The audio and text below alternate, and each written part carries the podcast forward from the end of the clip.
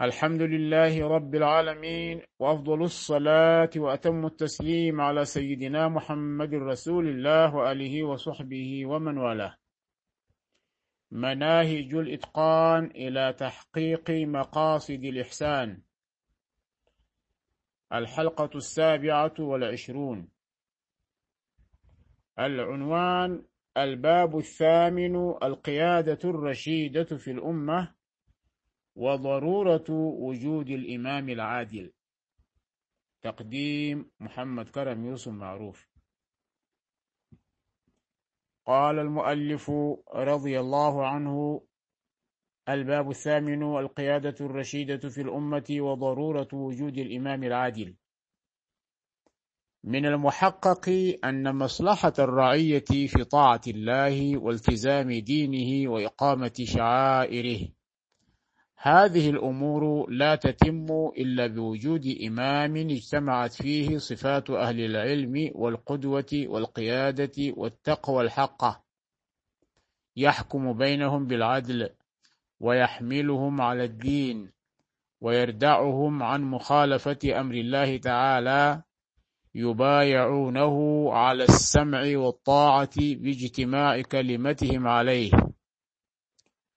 وإلا سلكوا طريق الفوضى والبطالة والضياع بل والوقوع في غيابات الضلال والانحراف وفساد المجتمع كله.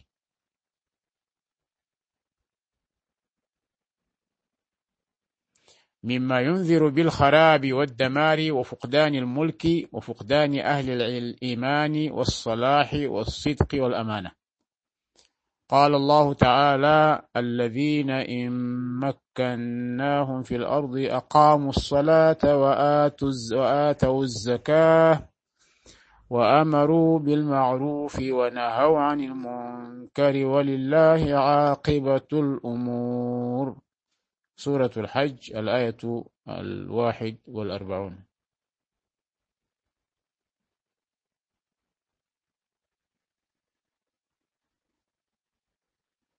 وفي الحديث عن ابن عمر رضي الله عنهما قال أقبل علينا رسول الله صلى الله عليه وسلم فقال يا معشر المهاجرين خمس إذا ابتليتم بهن وأعوذ بالله أن تدركهن لم تظهر الفاحشة في قوم قط إلا حتى يعلنوا بها إلا فشى فيهم الطاعون والأوجاع التي لم تكن مضت في أسلافهم الذين مضوا. ولم ينقصوا المكيال والميزان إلا أخذوا بالسنين وشدة المؤونة وجور السلطان عليهم.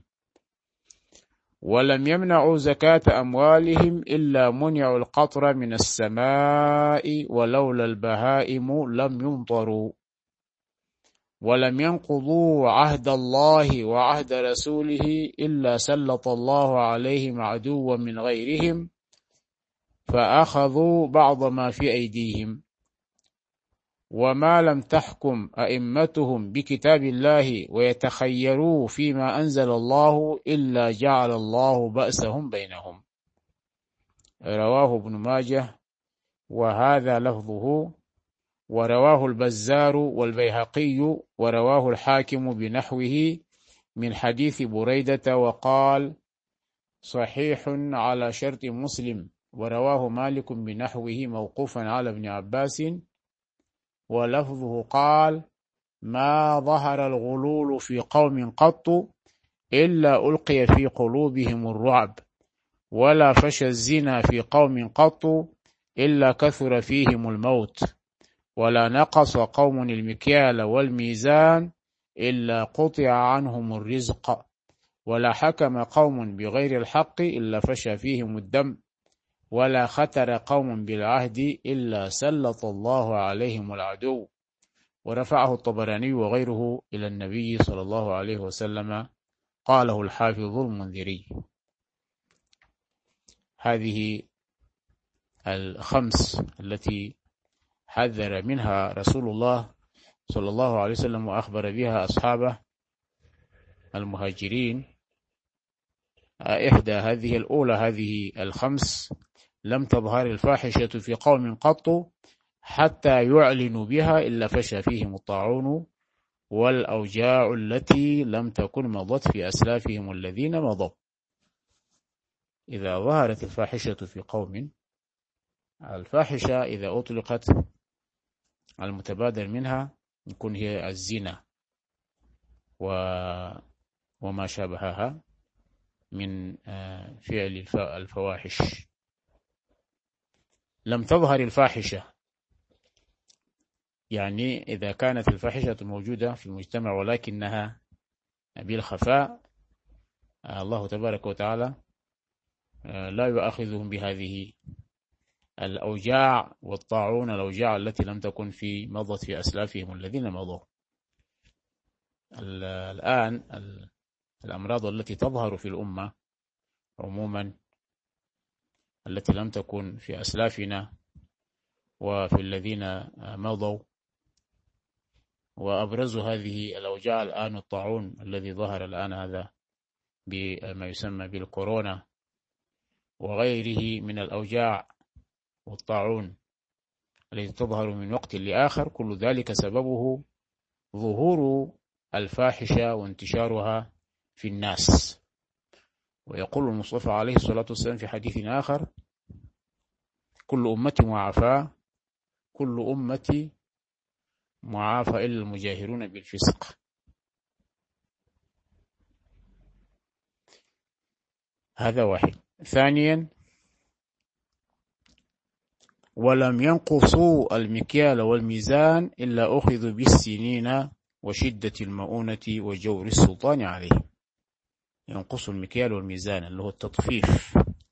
إذا كانوا لا يزينون الم... لا يقيمون الموازين ولا المكيال أخذهم الله عز وجل بالسنين. السنين هي الجفاف والتصحر والمجاعة. وشدة المؤونة نفس الشيء اللي هي الفقر.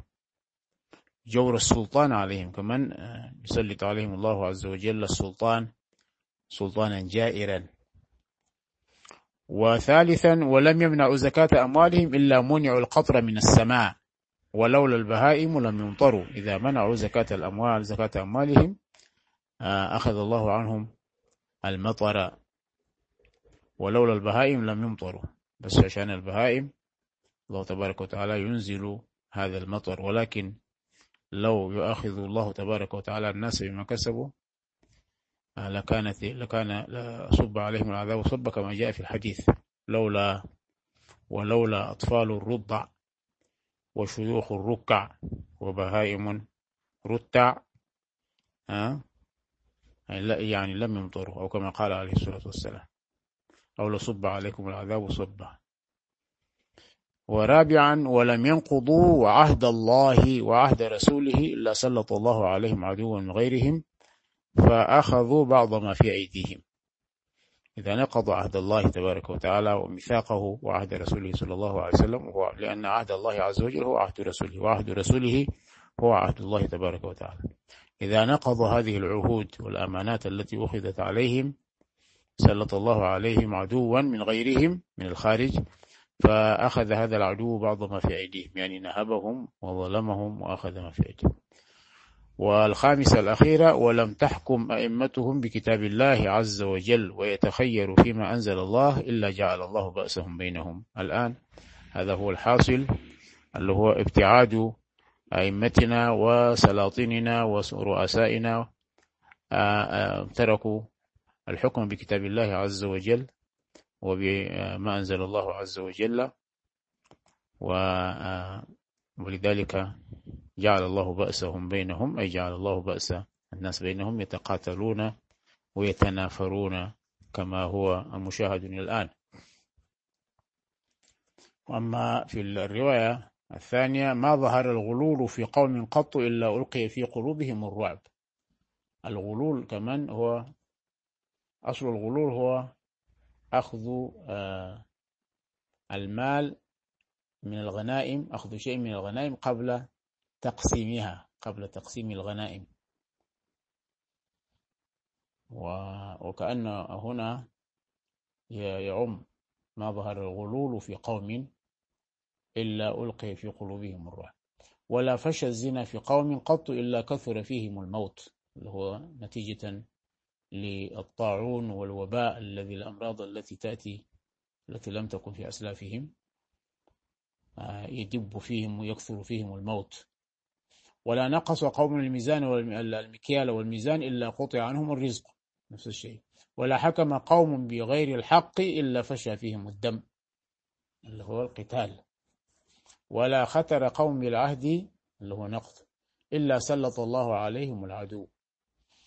قال ومن المؤكد أنه كلما وجد فيهم قيادة دينية ذا سلطة منفذة ترعى شؤونهم وأحوالهم يقوى الملك والتمكين في الأرض ويوجد معها أهل الدين والإيمان والصلاح والإصلاح حتى يكونوا قدوة لمن يأتي من بعدهم. وهذا صادق بما قاله الخليفة الراشد سيدنا عثمان بن عفان رضي الله عنه إن الله يزع بالسلطان ما لا يزع بالقرآن. نعم.